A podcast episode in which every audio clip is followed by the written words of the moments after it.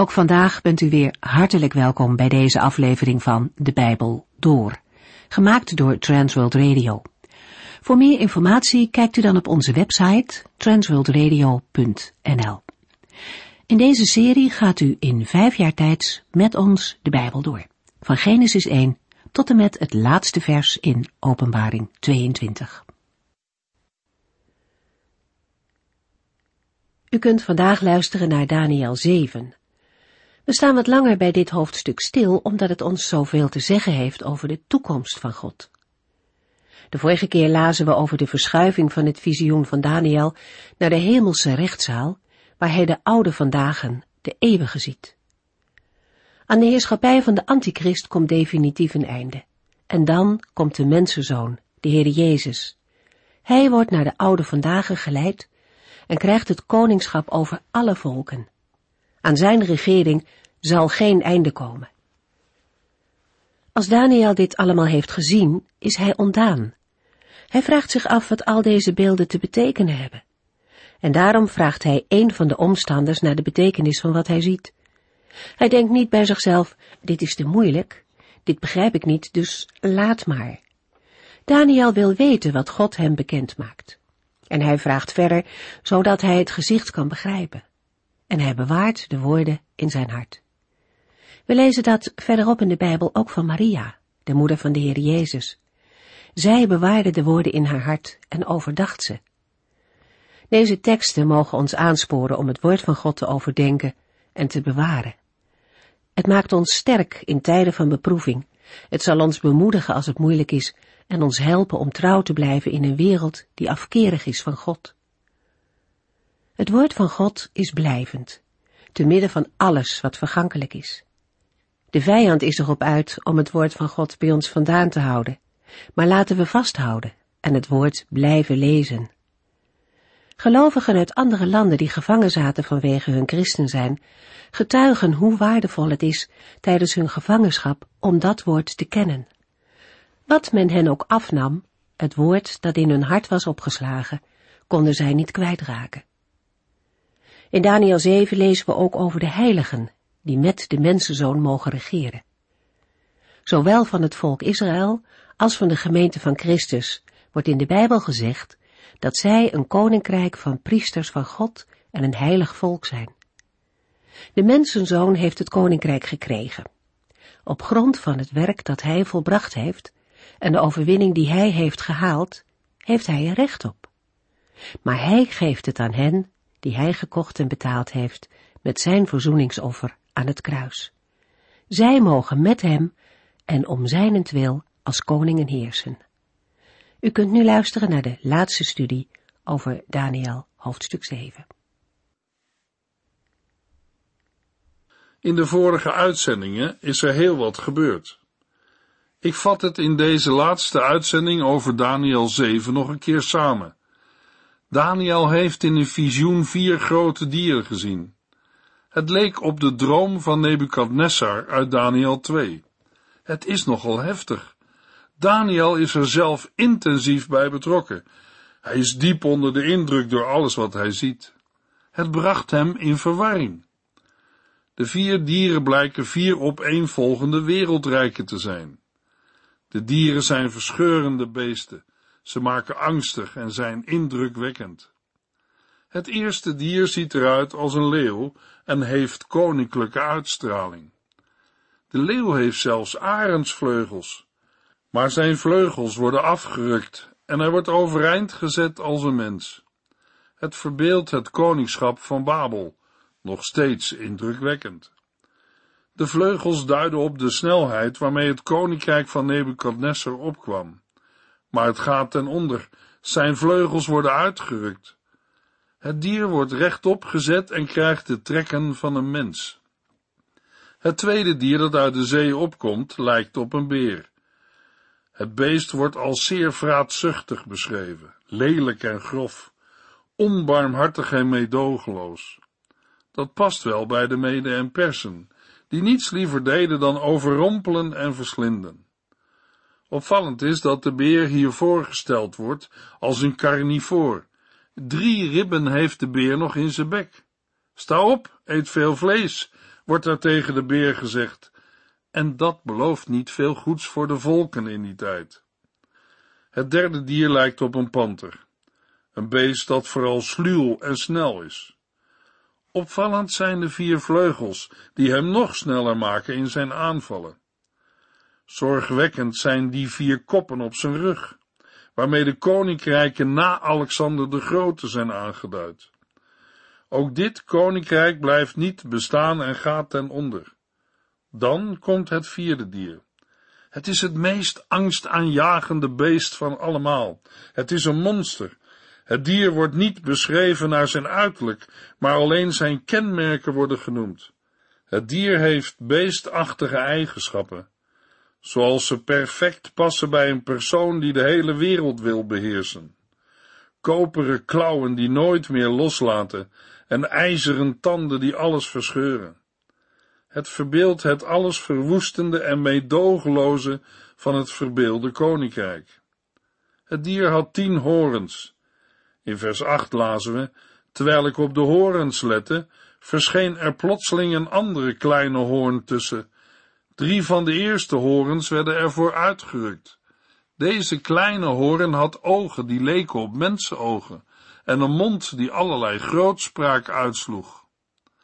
De elfde hoorn wil wel groeien en verdrijft drie van de eerste hoorns. De elfde hoorn krijgt menselijke ogen en een mond vol grootspraak. Lastelijke taal wordt er gesproken tegen God. Gewoontes en wetten zullen veranderd worden. Gelukkig maar voor een bepaalde tijd. Het vierde dier, huiveringwekkend en afschuwelijk, is het symbool van een ander soort koninkrijk, uiteindelijk het koninkrijk van de antichrist. In vers 9 houden ineens de beelden op.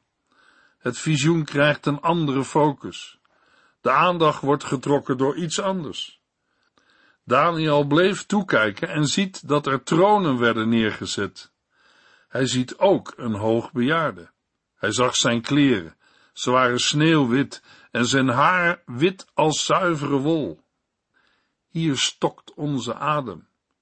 Is de Heere wel af te beelden als een hoogbejaarde, zoals Michelangelo heeft afgebeeld in de Sixtijnse kapel? Is de God die leeft, de God die is, was en komen zal, wel af te beelden als een hoogbejaarde? Maar Daniel geeft geen beschrijving van een vriendelijke oude man op een stoel. De hoogbejaarde die hier getekend wordt, is de meest eerbiedwaardige persoon die zich laat denken. Daniel duidt zijn verschijning aan als hoogbejaard. Dat wil zeggen, hij heeft al zoveel dagen gezien, dat hij een onschatbare levenservaring heeft. Hij is de eerbied in eigen persoon. Hij bezit zoveel wijsheid en kennis, dat hij de meest geschikte persoon is om recht te spreken. Hij alleen is tot oordelen bevoegd, waardig en vol autoriteit. Hij is bevoegd om de boeken te openen. Niets is er voor zijn wijze oordeel verborgen. Dit beeld van de hoogbejaarde past bij de beschrijvingen in het Bijbelboek Openbaring, waar de Heer op zijn troon zit, in volle heerlijkheid, eer en majesteit. Daniel ziet de Heere als hoogbejaarde zitten, op een vlammende troon, die op eveneens vlammende wielen reed. Hij ziet een troon waar de vonken vanaf spatten. Vuur gaat voor de Heere uit. In zijn heiligheid is de Heere een verterend vuur. En rond die ontzagwekkende troon van vuur staan nog meer tronen opgesteld van heiligen. De Heere oordeelt over de wereld. De eerste die eraan gaat is die elfde hoorn van het vierde beest. Het godslastelijke dier dat zich openlijk en ergelijk verzette tegen God de Allerhoogste, zal zijn deel krijgen. Ook de andere beesten wordt hun heerschappij ontnomen en verdwijnen. Die visioenen zijn ook aan Daniel gegeven om ons te bemoedigen. Hoe moeten wij aankijken tegen de ontwikkelingen en gebeurtenissen in de wereld van vandaag? We zeggen tegen elkaar, alles verandert zo snel vandaag. Is er dan niets meer heilig? Moet alles op de schop, ook in de kerk? We leren van de profeet Daniel om met Gods kijk op de dingen naar deze wereld te kijken. Met de visioenen en de uitleg in het Bijbelboek Daniel ontvangen wij een soort verrekijker waarmee we kunnen zien welke dingen er werkelijk toe doen. Soms kunnen ook gelovige mensen ongeduldig vragen: Komt er nog wat van, van dat koninkrijk van God? De Heer Jezus heeft er ook iets over gezegd op de vraag van zijn leerlingen: Wanneer komt het koninkrijk van u? De Heer Jezus antwoordde hen: Dat hoeven jullie niet te weten. Mijn vader beslist hoe en wanneer bepaalde dingen gebeuren. Dat moeten we vasthouden. De Heere bepaalt de tijd en het uur van de wereldmachten. De grenzen zijn in Gods hand veilig.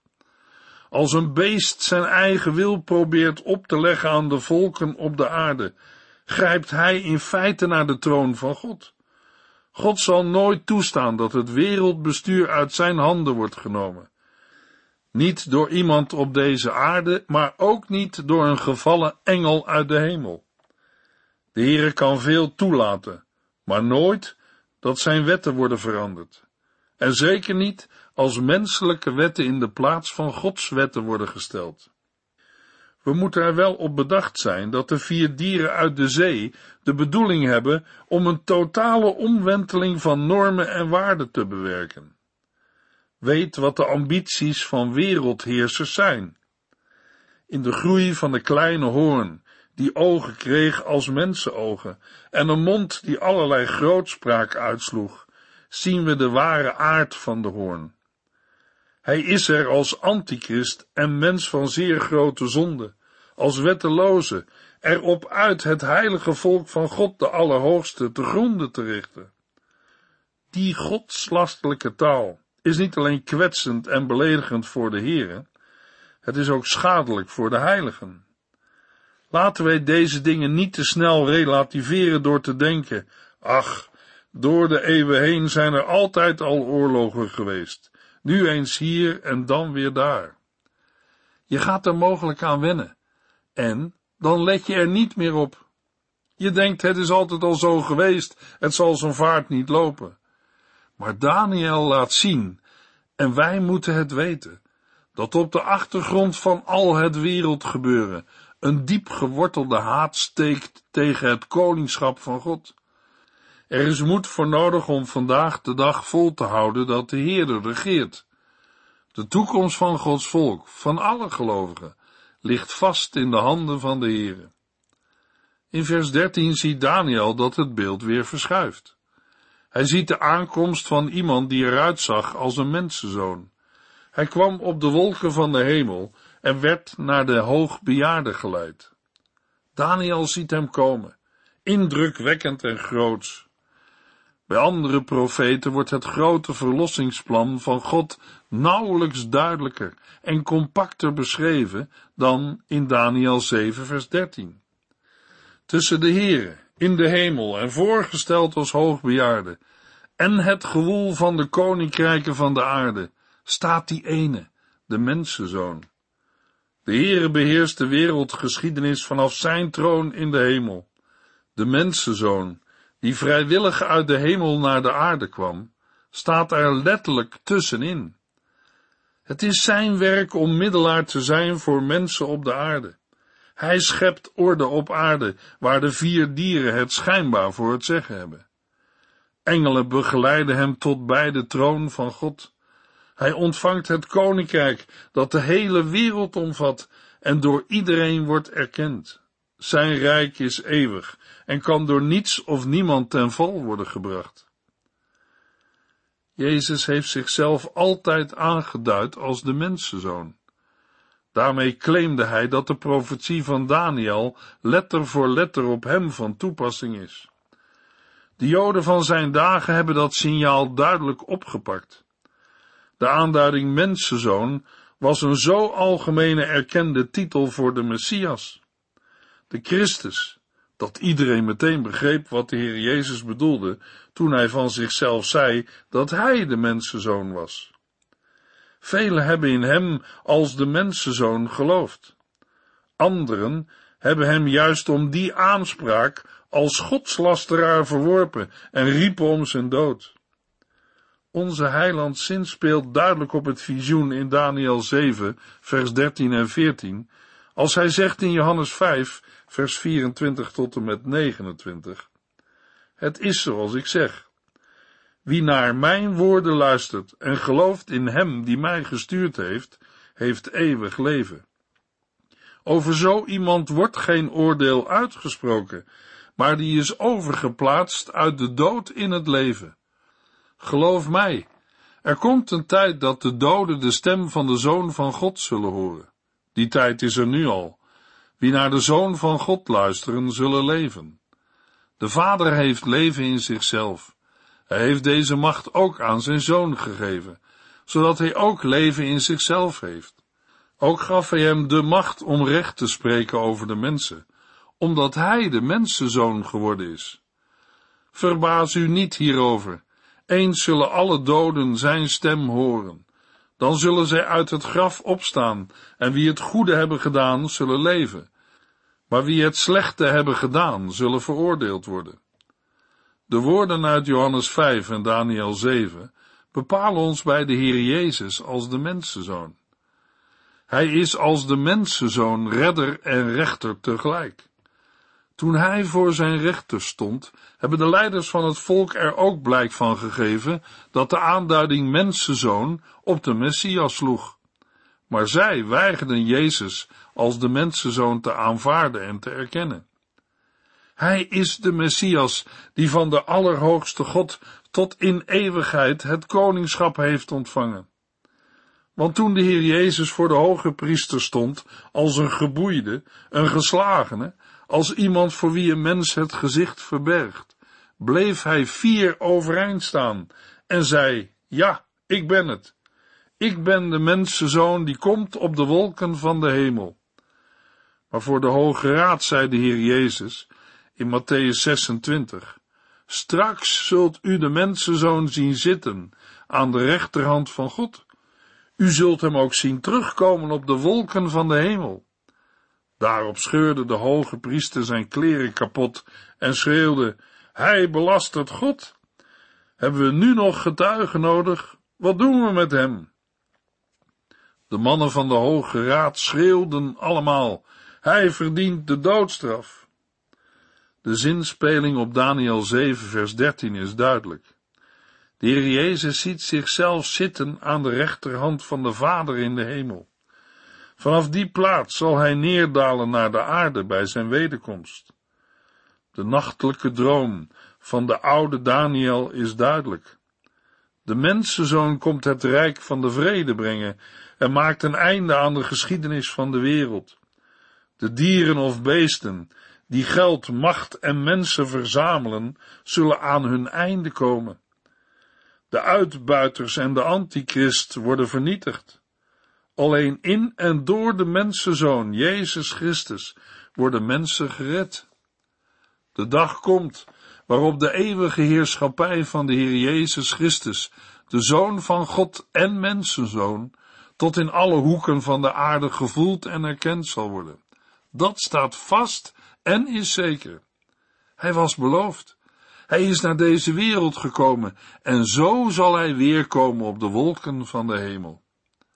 We lezen het in de laatste verse van Daniel 7. Als de uitlegger van de droom dieper ingaat op Daniels vraag in vers 20.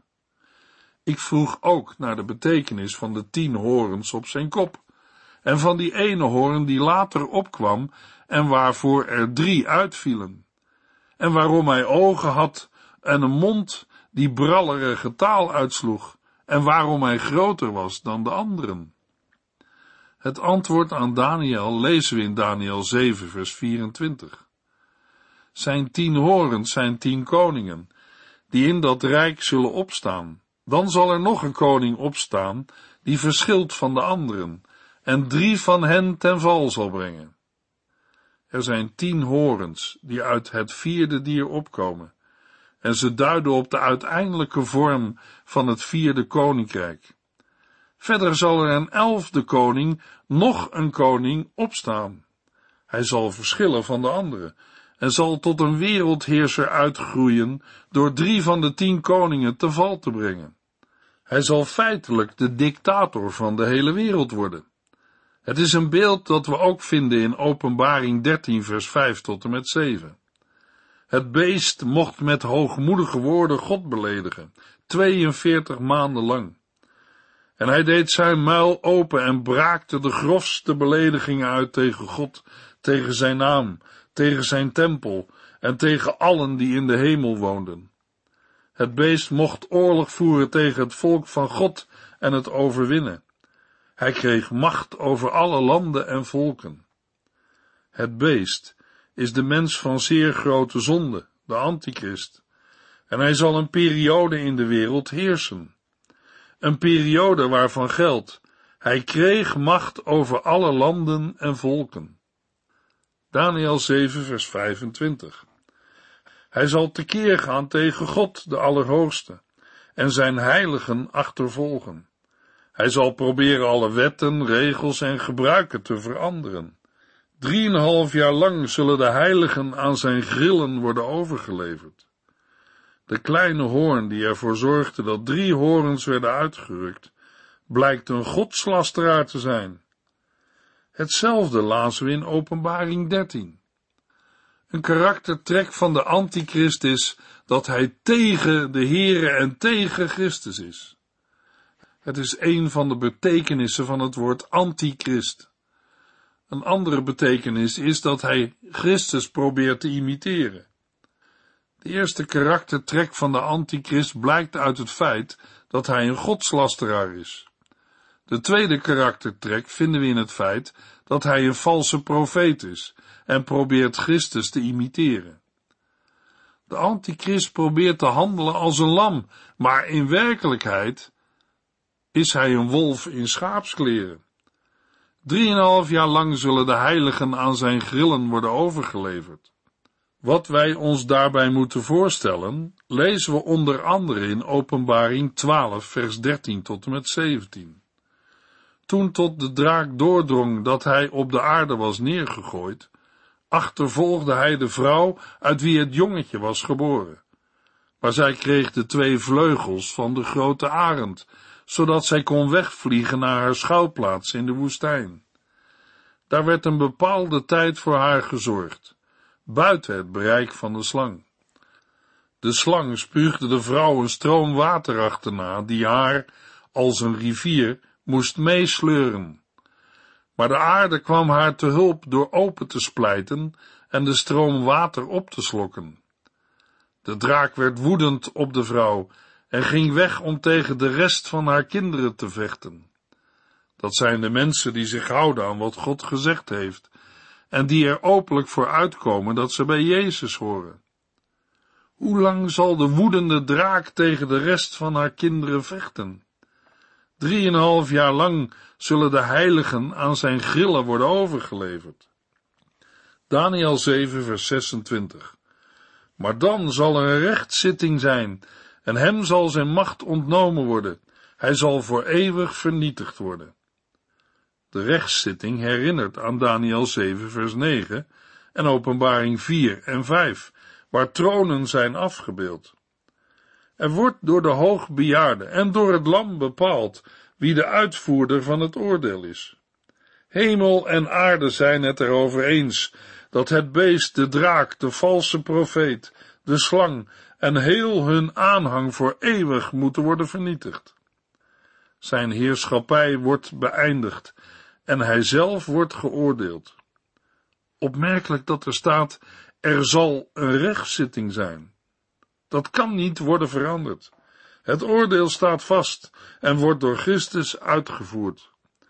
Zo zullen de tijden der heidenen eindigen, de tijd die begon met Nebukadnessar en zal duren tot de tijd waarvan de Heer Jezus zegt in Lucas 21 vers 24 Vreemde volken zullen Jeruzalem overwinnen en vertrappen tot aan hun tijd een einde komt.